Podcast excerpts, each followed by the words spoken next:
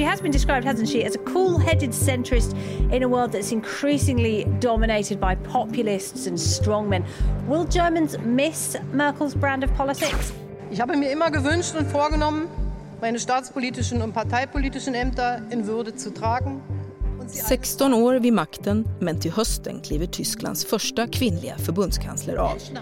Dann ist das nicht äh, akzeptabel aus meiner Sicht und deshalb müssen wir da.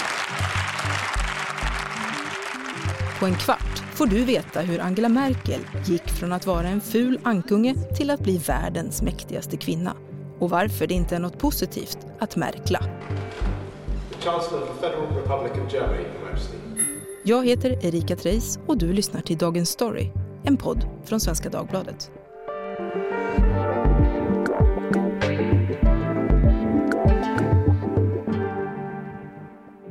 Therese Larsson Hultin, utrikesanalytiker här på SvD. Hur framgångsrik skulle du säga att Angela Merkel varit? Alltså svaret på den frågan är både och. Hon kommer både bli ihågkommen för att hon har varit en väldigt framgångsrik förbundskansler och samtidigt så lämnar hon en Tyskland efter sig med ganska mycket att önska. Så vad skulle du säga, vad är det hon gjort och inte gjort i sin politiska gärning?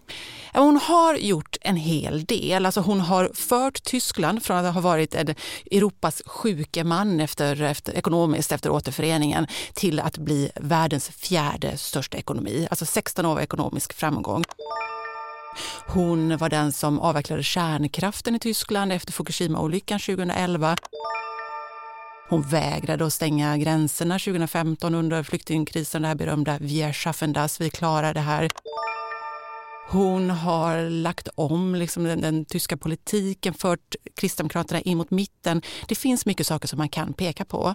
Samtidigt så är det många saker som hon inte har lyckats med, som hon har sovit sig igenom, så som en expert som jag talade med nyligen uttryckte det. Alltså hon har till exempel inte sett till att Tyskland har digitaliserats, byggt ut internet, fiber är liksom inte en självklarhet överallt i Tyskland. Hon har inte sett till liksom att den här gröna omställningen har gått så snabbt som den borde och att de tyska företagen verkligen investerar liksom i innovation och sådär. Så att det, finns stora utmaningar för den som tar över efter henne i höst. Och du har ju bland annat skrivit om ett dilemma också, att det är fler som vill se henne som förbundskansler än som egentligen vill rösta på partiet som hon företräder. Ja, men det märkliga med Merkel är ju att, märkliga med Merkel, det är ju att hon efter 16 år är otroligt populär i Tyskland. Det kom siffror här nu i början av juni, tyska tv-kanalen ZDF, som visar att 83 procent av tyskarna tycker att hon gör ett jättebra jobb som kansler. Det är otroligt högt efter så lång tid. Samtidigt så är det 28 procent som säger att de kan tänka sig att rösta på henne. Och jag har flera gånger liksom i Tyskland pratat med väljare och vänner för den delen som tycker om henne, genuint tycker om henne, men som aldrig skulle kunna tänka sig att rösta på CDU. Så det är två helt vitt skilda saker och det är lite märkligt. Vi ska förflytta oss till Tyskland där det ju är val på söndag och där en kvinna faktiskt för första gången i landets historia kan bli vald till tysk förbundskansler. Merkel var den första kvinnan och den första förbundskanslern i det enade Tyskland som tidigare varit medborgare i Östtyskland. Vad kan du säga att det har betytt för hennes popularitet? Alltså inte så mycket som man hade kunnat tro när det gäller just populariteten det som, som bidrar till att hon är så poppis det är den här jordnära stilen som hon har. Att hon är sig själv, att hon är lugn och stabil och liksom att hon, hon står för vem hon är.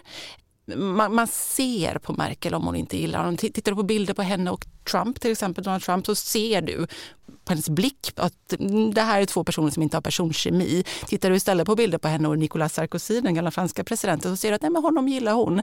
Och, och för er som är intresserade, jag kan verkligen tipsa om den brittiska komikern Tracy Alman som gör en väldigt, väldigt rolig Merkel-imitation där hon, framförallt den sketchen där hon härmar Merkel i ett samtal med Trump och hon liksom eh, rullar med ögonen, she's rolling with the eyes, som, som de säger på tysk accent och hon är extremt, extremt trött på honom kan man väl säga. Oh my god, I'm rolling the eyes. And I always thought that I had such a serene and beautiful poker face at the summits. I'm afraid not. Och det, det här går hem. Eh, och sen att hon kommer från DDR, alltså hon var en väldigt osannolik förbundskansler. Hon var den första som du var inne på. Eh, och hon var väldigt osannolik i sitt parti. Kristdemokraterna är ett parti som har drivits av västtyska, vita män, juristutbildning, gubbar om man får säga så. Sen kom då Merkel ung på den tiden, fysiker från Östtyskland, protestant, kvinna. Hon stod för något helt nytt. Så att eh, hennes saga är, liksom, det är, en framgångssaga. Det var totalt osannolikt att hon skulle lyckas ta sig till den position hon är i idag. Men, men hon har också drabbats av en del kritik och en del motgångar som politiker. Eh, kan du säga något om det? Ja, men om man börjar liksom när hon först kom till makten som partiledare för, för Kristdemokraterna. Tittar man på bilder från den tiden så valde medierna, jag skulle säga medvetet, bilder på henne där hon var eh, ganska ful, alltså med mungiporna neråt, håret hängde, hon togs gärna lite liksom ovanifrån. Hon såg inte framgångsrik ut om man säger så. Sen valrörelsen ungefär 2005 där någonstans så började det, det hända någonting. Hon fick liksom framgång i opinionen. Medierna började välja andra typer av bilder på henne där hon fick tillstånd att le och där hon porträtterades på ett helt annat sätt. Andra motgångar hon har haft är under flyktingkrisen då när hon valde att inte stänga gränsen till Tyskland. Hon fick ju jättemycket både ris och ros för de beslutet och det var ju det som gav upphov till det här invandringsfientliga partiet Alternativ för Tyskland, AFD, som i och för sig hade funnits innan men som verkligen fick luft under vingarna efter eh, flyktingkrisen. Ehm, så det var också en sån här, eh, några år därefter var väl inte hennes bästa tid på ett sätt. Und ich sage ganz einfach, Deutschland ist ein starkes Land. Und die, das Motiv, in dem wir an diese Dinge herangehen, muss, sei, muss sein, wir haben so vieles geschafft, wir schaffen das. Men, men ses hon i Tyskland som en person som verkligen kan fatta beslut? Nej, nej. det är ju det hon inte gör. Alltså det har till och med gett upphov till ett, ett, ett verb på tyska, zu merkeln, alltså att märkla. Och det betyder att man, är, att man tvekar, att man inte kan bestämma sig och att man, eh, att man helt enkelt inte fattar beslut. Det blev årets ord bland unga 2015, så populärt var det ordet då, att märkla.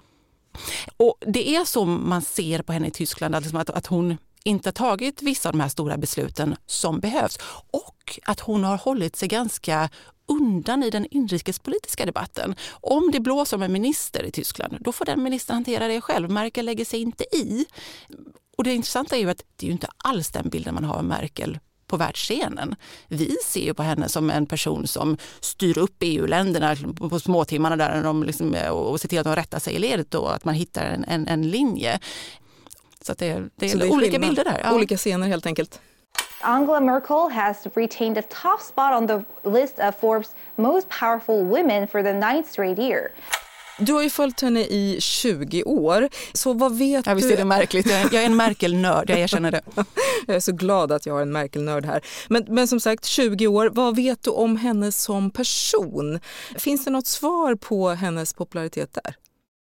Ja men absolut. Alltså, dels, jag var inne på tidigare det här jordnära, men, men också det sägs att Merkel privat är väldigt rolig, att hon kan vara väldigt bitsk.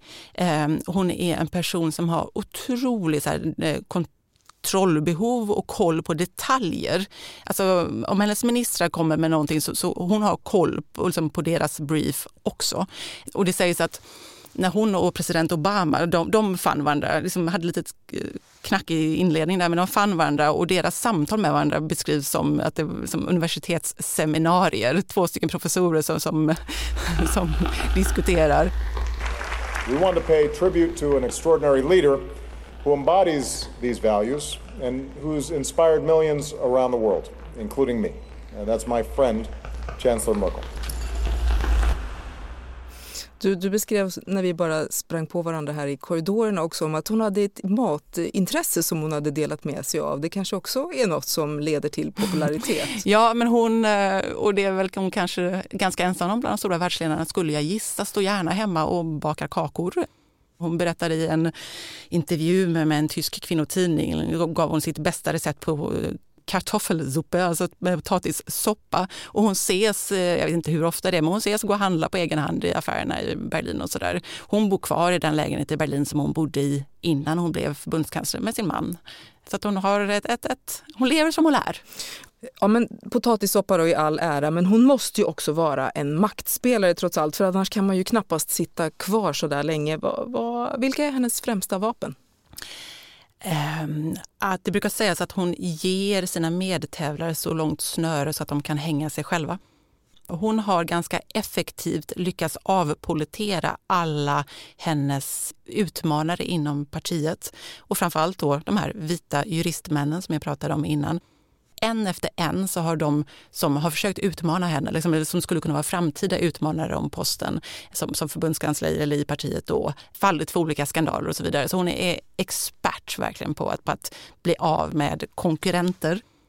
Och man ser också, alltså hon har ju under de här 16 åren vid makten regerat med SPD, alltså Socialdemokraterna vid två tillfällen, och Liberalerna. Och båda de här partierna har haft otroliga problem med opinionen efter att ha regerat ihop med Merkel. För hon är också väldigt bra på att sno andras bästa idéer. Väldigt många av Socialdemokraternas idéer har ju Merkel ganska snabbt gjort till sina, när hon tycker att det passar.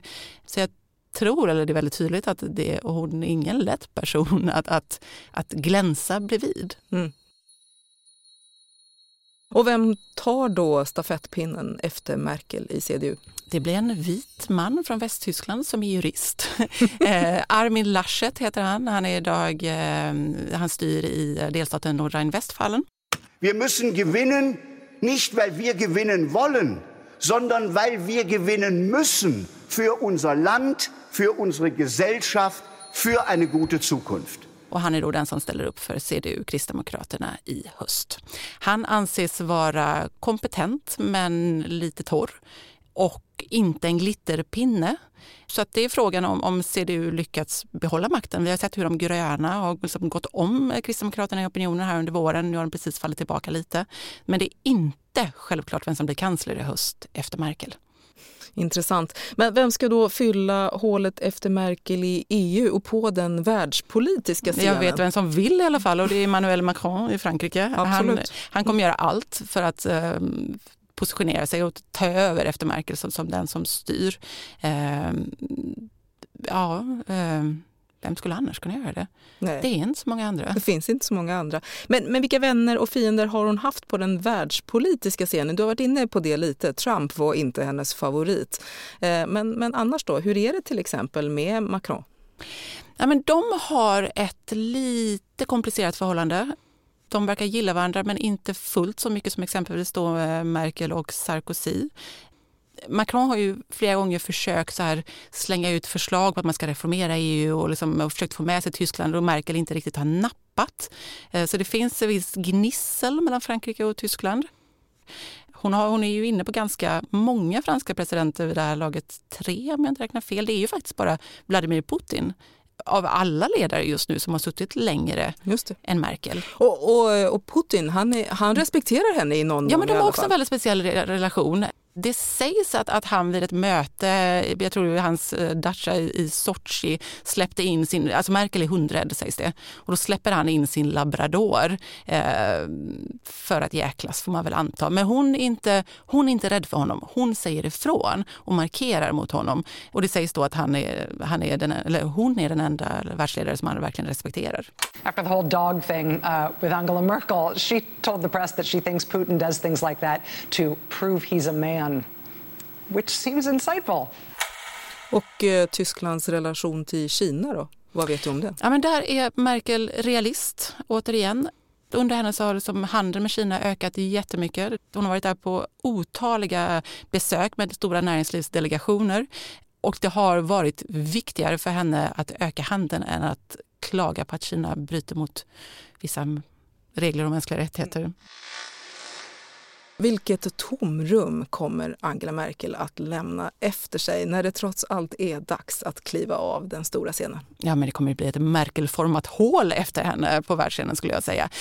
Det är stora skor att fylla. Hon har ju stått för en, en stabilitet ändå i, i världspolitiken och, och ja, det, det kommer bli ett litet vakuum där. Jag kommer sakna henne i alla fall. Es war mir eine große Freude. Es war mir eine Ehre. Herzlichen Dank. Tack för att du kom hit då, Therese Larsson Hultin. Tack så mycket.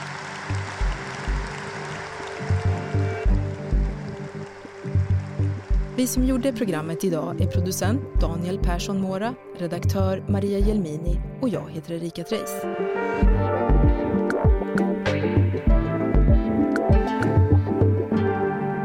Du har lyssnat på en sommarspecial av Dagens Story, en podd från Svenska Dagbladet. Den 4 augusti är vi tillbaka igen, varje vardag. Klippen som hördes i dagens avsnitt kom från France 24, Sveriges Radio, BBC, Phoenix, Deutsche Welle, MSNBC, CDU och den brittiska kungafamiljens hemsida.